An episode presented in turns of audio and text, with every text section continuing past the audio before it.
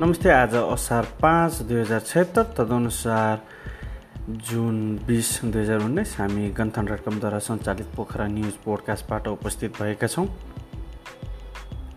पोखरामा राष्ट्रिय बिच भलिबल प्रतियोगिता सुरु गण्डकीको विजयी सुरुवात।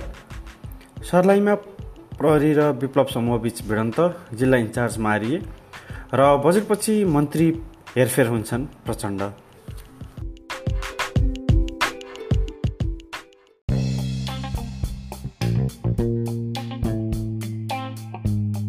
पोखरामा बिहिबारदेखि पुरुष तथा महिला राष्ट्रिय बिच भलिबल प्रतियोगिता सुरु भएको छ। जिल्ला भलिबल सङ्घको आयोजनामा भएको छैटौँ महिला तथा सातौँ राष्ट्रिय बिच प्रतियोगिता बिच भलिबल प्रतियोगितामा प्रतियोगिता असार सात गतिसम्म फेवाताल किनारको बिच भलिबल कोर्टमा सञ्चालन हुनेछ।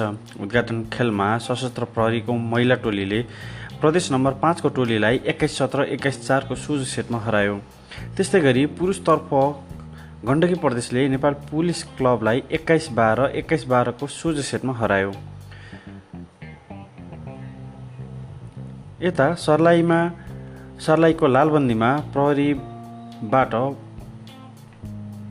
यसलाई पुनः सुन्नुहोला सर्लाहीको लालबन्दीमा बिहिबार प्रहरी र नेत्र विक्रम कार्यकर्ता बीच भिडन्त भएको छ। गोली हान हान हुँदा विप्लव समूहका एकजनाको मृत्यु भएको छ भने विप्लव समूह र प्रहरी बीच दोहोरो भिडन्त हुँदा सर्लाही जिल्ला इन्चार्ज कुमार पौडेल मारिएको प्रहरी प्रवक्ता प्रहरी नायब महानिरीक्षक विश्वराज पोखरेलले जानकारी दिए।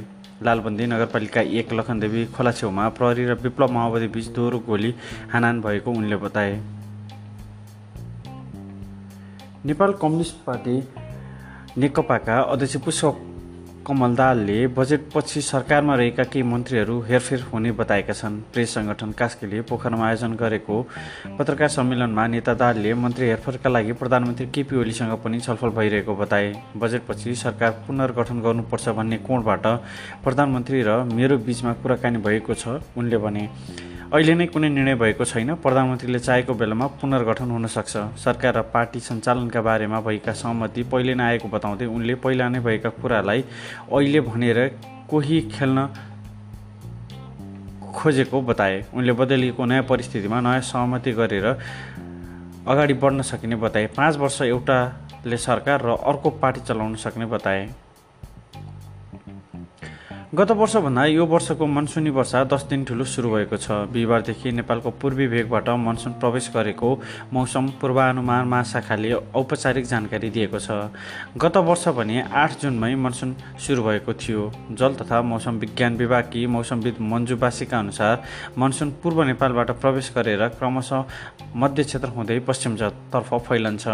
विभागका अनुसार सन् उन्नाइस सय उनासीमा मनसुन जम्मा त्रिहत्तर दिनको थियो।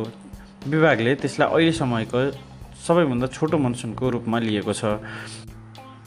त्रिभुवन विश्वविद्यालयमा गोल्ड मेडल नै किनबेच हुने गरेको खुलेको छ। गोल्ड मेडल किनबेचमा संलग्न भएको आरोपमा परीक्षा नियन्त्रण कार्यालय बल्खोको गोप्य शाखाका प्रमुख रामु कर्मचारी र विद्यार्थी सुरेन्द्र कोइराला बुधबार पक्राउ परेपछि यस्तो खुलेको हो। पाटन क्याम्पसमा अर्थशास्त्र विषयमा अध्ययनरत कोइराला र कर्मचारी बीच गोल्ड मेडलका लागि पाँच लाख रुपियाँ लेनदेनमा डिल भएको थियो। आजको नयाँ पत्रिकामा नयाँ पत्रिका दैनिकमा नवराज मैनाली र भवानीश्वर गौतमले उक्त समाचार लेखेका छन्। उनीहरूमाथि अहिले अख्तियार स्रोतका अनुसार परीक्षा नियन्त्रण कार्यालय बल्कोका कर्मचारीहरूले आर्थिक प्रलोभनमा विद्यार्थीको मार्कसिट मा नम्बर तलमाथि गरिदिने समेत बताइएको छ। फेल भएकालाई पास गराउने र कम अङ्क ल्याएका विद्यार्थीलाई अङ्क थप्ने गतिविधि बढेको सूचनाका आधारमा उनीहरूलाई पक्राउ गरिएको हो।